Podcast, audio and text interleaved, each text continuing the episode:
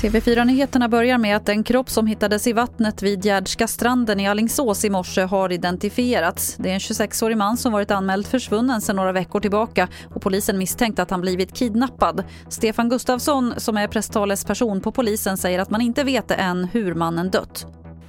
Nej, det vet vi inte och det är det som gör att vi eh, ändrat rubriceringen på ärendet från eh, Eh, olaga frihetsberövande och människorov till eh, mord alternativt dråp.